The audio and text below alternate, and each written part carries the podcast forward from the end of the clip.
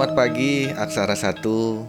Tidak bosan-bosannya kami kembali lagi berdua. Iya. Saya Mangku Sanjaya. Ya, terutama saya ya Pak Peka sudah yang mm, dengan setia menemani Anda eh, tidak bosan-bosannya ingin menyampaikan eh, informasi-informasi yang pernah kita dapatkan dari beberapa sumber Nah, ingin kita sosialisasikan kepada masyarakat Ya, supaya masyarakat kita ini kembali ke istilahnya bangga bangga dengan apa yang kita punya. bangga dengan eh, tradisi, Tradisi. budaya Ya, dan kita ini benar-benar kalau digali Indonesia itu wah Ya. sudah sudah sangat lengkap Indonesia- sekali ilmu-ilmu yang ada di Indonesia Indonesia. ini negara besar.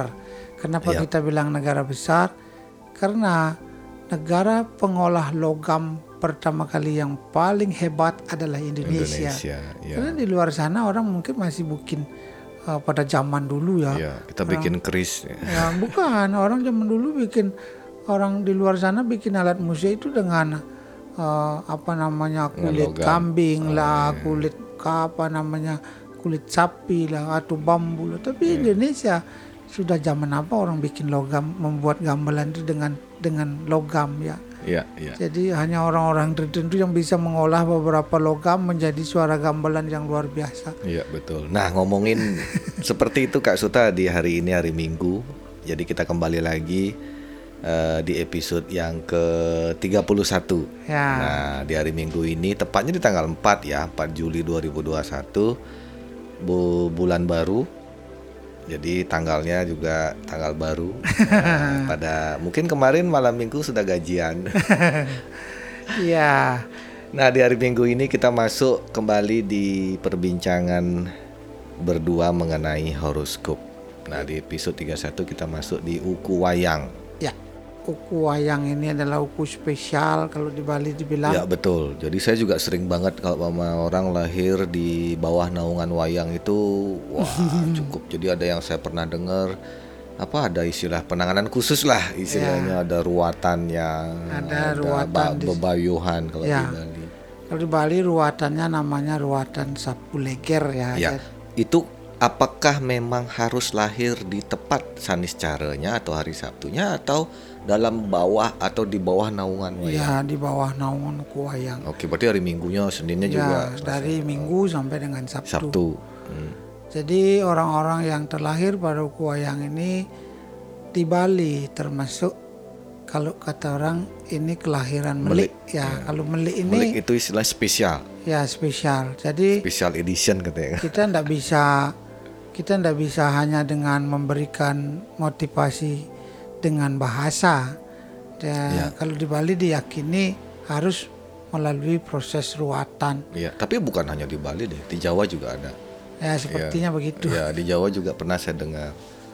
Hmm, jadi kalau misalnya terlahir pada uku wayang ini di Bali dikenal dengan salah satu uku yang sangat erat kaitannya dengan uh, upacara simbol-simbol suci dari uh, uh, Tuhan yang dibuat di Bali. Ya. Misalnya ya di Bali dibuat Simbol-simbol suci umat Hindu Ya. di Bali.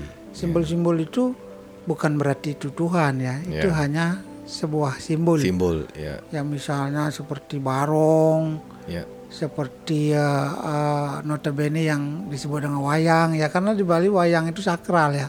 Ya. Jadi seorang dalang itu ya kalau di Bali itu sangat sakral. Kenapa? Karena uh, ini adalah sebuah profesi yang sangat-sangat uh, riskan kalau dibilang. Iya, iya, iya. Ya, di satu sisi memang memiliki nilai eh, apa namanya seni, kemudian di sisi lain harus mampu istilahnya eh, menjadi seseorang yang apa namanya ya membawa pesan-pesan suci, memberikan apa namanya motivasi baik dan lain sebagainya kepada para pendengar atau penikmat daripada wayang itu sendiri. Mhm. Tapi dalam hal ini kita akan bicarakan bukan soal ruatannya ya nanti. Ya, nah, ya kita- kita kita nanti itu. Jadi nanti kita bahas di season Ya. eh di ya benar season ke kedua, Ya. season kedua. dalam buku wayang ini kalau saya sampaikan secara umum ya uh, pada umumnya walaupun kelihatan pelit orang-orang yang terlahir pada wayang ini, tetapi mereka itu adalah orang-orang yang tidak pernah ragu untuk memberikan harta bendanya kepada orang lain. Wow. Tapi dalam tanda kutip ini. Oke, tanda kutip. Ya. Jadi ada syarat dan ketentuan Ya. berlaku. Dalam hal ini satu orang-orang yang terlahir wayang ini ketika mereka merasa cocok atau merasa sangat pas, maka tidak ada batasan mereka memberikan harta bendanya kepada orang lain. Tapi ketika mereka walaupun orang dekat, mungkin anak, mungkin istri, mungkin saudara, Oh ya. tapi tidak cocok, mereka akan sangat Sangat-sangat pelit. Ya. Oh, Oke. Ya ini. Makanya saya katakan walaupun terkesan pelit, belum tentu orang-orang eh, apa namanya wayang ini bukan berarti tidak ikhlas. Hmm. Jadi ini unik ya. Iya, Kalau iya, saya katakan ini unik. Walaupun dia adalah istri saya, dia anak saya, dia saudara saya, dia siapalah dan sebagainya. Tapi ketika tidak cocok, wow jangan harap. Jangan harap dia Jangan bisa pernah. memberikan sesuatu. Ya, walaupun hanya berupa hal-hal sepele tidak akan pernah. Jadi ketika orang itu walaupun orang lain, walaupun bukan ada tidak ada hubungan darah dan sebagainya, tidak ada hubungan pertemanan dan sebagainya, tapi dia akan ikhlas. Hmm. Itu kenapa? Karena dia cocok. Iya, iya. Nah, entah dengan siapa dia cocok kita belum tahu. Iya, iya, iya. Ya, Tapi jadi- di di bawah naungan Uku Wayang ini karakternya juga bahasanya tajam katanya. Kata-katanya tajam. Kata-kata orang yang berada di bawah wayang adalah uh, ya seperti itu tadi dia berbahasa yang sangat-sangat tajam bahkan kadang-kadang menyakitkan bagi orang yang mendengarnya. Hmm. Ya dan kadang-kadang bahasanya juga jelimet, susah dimengerti. Bisa dimengerti. Ya orang tidak bakalan mengerti maksudnya. Nah, tapi kalau orang-orang terdekatnya dengan mudah saja bisa mengerti. Hmm. Ya, jadi seperti itu karakter orang-orang yang terlahir pada wayang. Tetapi orang-orang ini akan menjadi sangat-sangat waspada, sangat-sangat berhati-hati. Tapi kalau dia menjadi seorang pemimpin, dia akan menjadi pemimpin yang sangat berwibawa Ya, dan disegani banyak orang. ya, ya, ya. Ya, ketika dia menjadi seorang pemimpin, dia akan sangat-sangat memiliki wibawa karena dia tahu kapan berbahasa dengan benar, kapan berbahasanya ya kata kalau kita istilahnya jangan terlalu dipulgarkan lah. Ya, ya. Jadi untuk tidak mempulgarkan bahasa ini kita dia harus berputar-putar pikiran sehingga harus membuat perumpamaan-perumpamaan yang, Yang terlalu banyak. sulit dimengerti oleh orang lain. Ya kalau kalau saya mengkaitkan ini kalau umpama dari pandangan saya untuk memahami warige wuku wayang ini Ya. jadi perwatakan kalau seumpama dikatakan orang dekat yang bisa memahami dia mungkin kategorinya normal Kak Suta karena saking dekatnya dia paham. Ya. Cuman yang membuat saya unik adalah walaupun dia orang terdekat tapi kalau seumpama tidak bisa mengambil hati orang wayang tidak akan bisa. nggak bisa. Tidak akan bisa. Walaupun ya beda ya kata orang kata seperti apa yang saya katakan tadi. Memang unik nih orang wayang. Jadi dia kelihatan pelit ya. Iya. Di satu sisi kelihatan pelit, bahkan mungkin tergolong ya susah ya. Iya. Tapi Kata Kak Suta ya susah.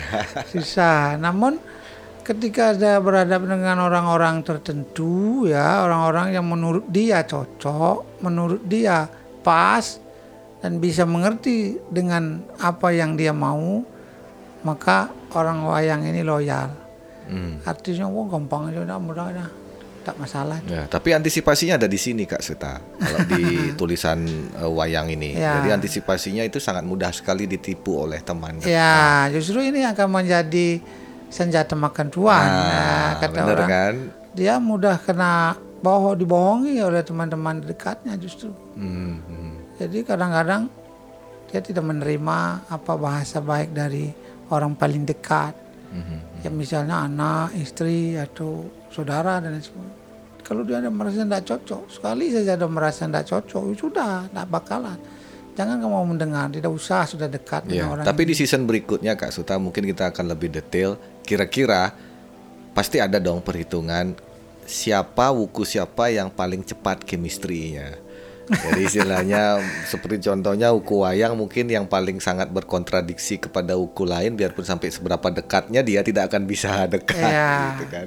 Tapi Itu kemba- season berikutnya. kembali kepada apa namanya kuasa Tuhan saya Ya. tidak berani mendahului itu tetapi di dalam apa namanya eh, Wariga Bali disebutkan bahwa wayang ini wajib melakukan ruatan karena antisipasinya adalah untuk menghindari hal-hal negatif seperti tadi Ya.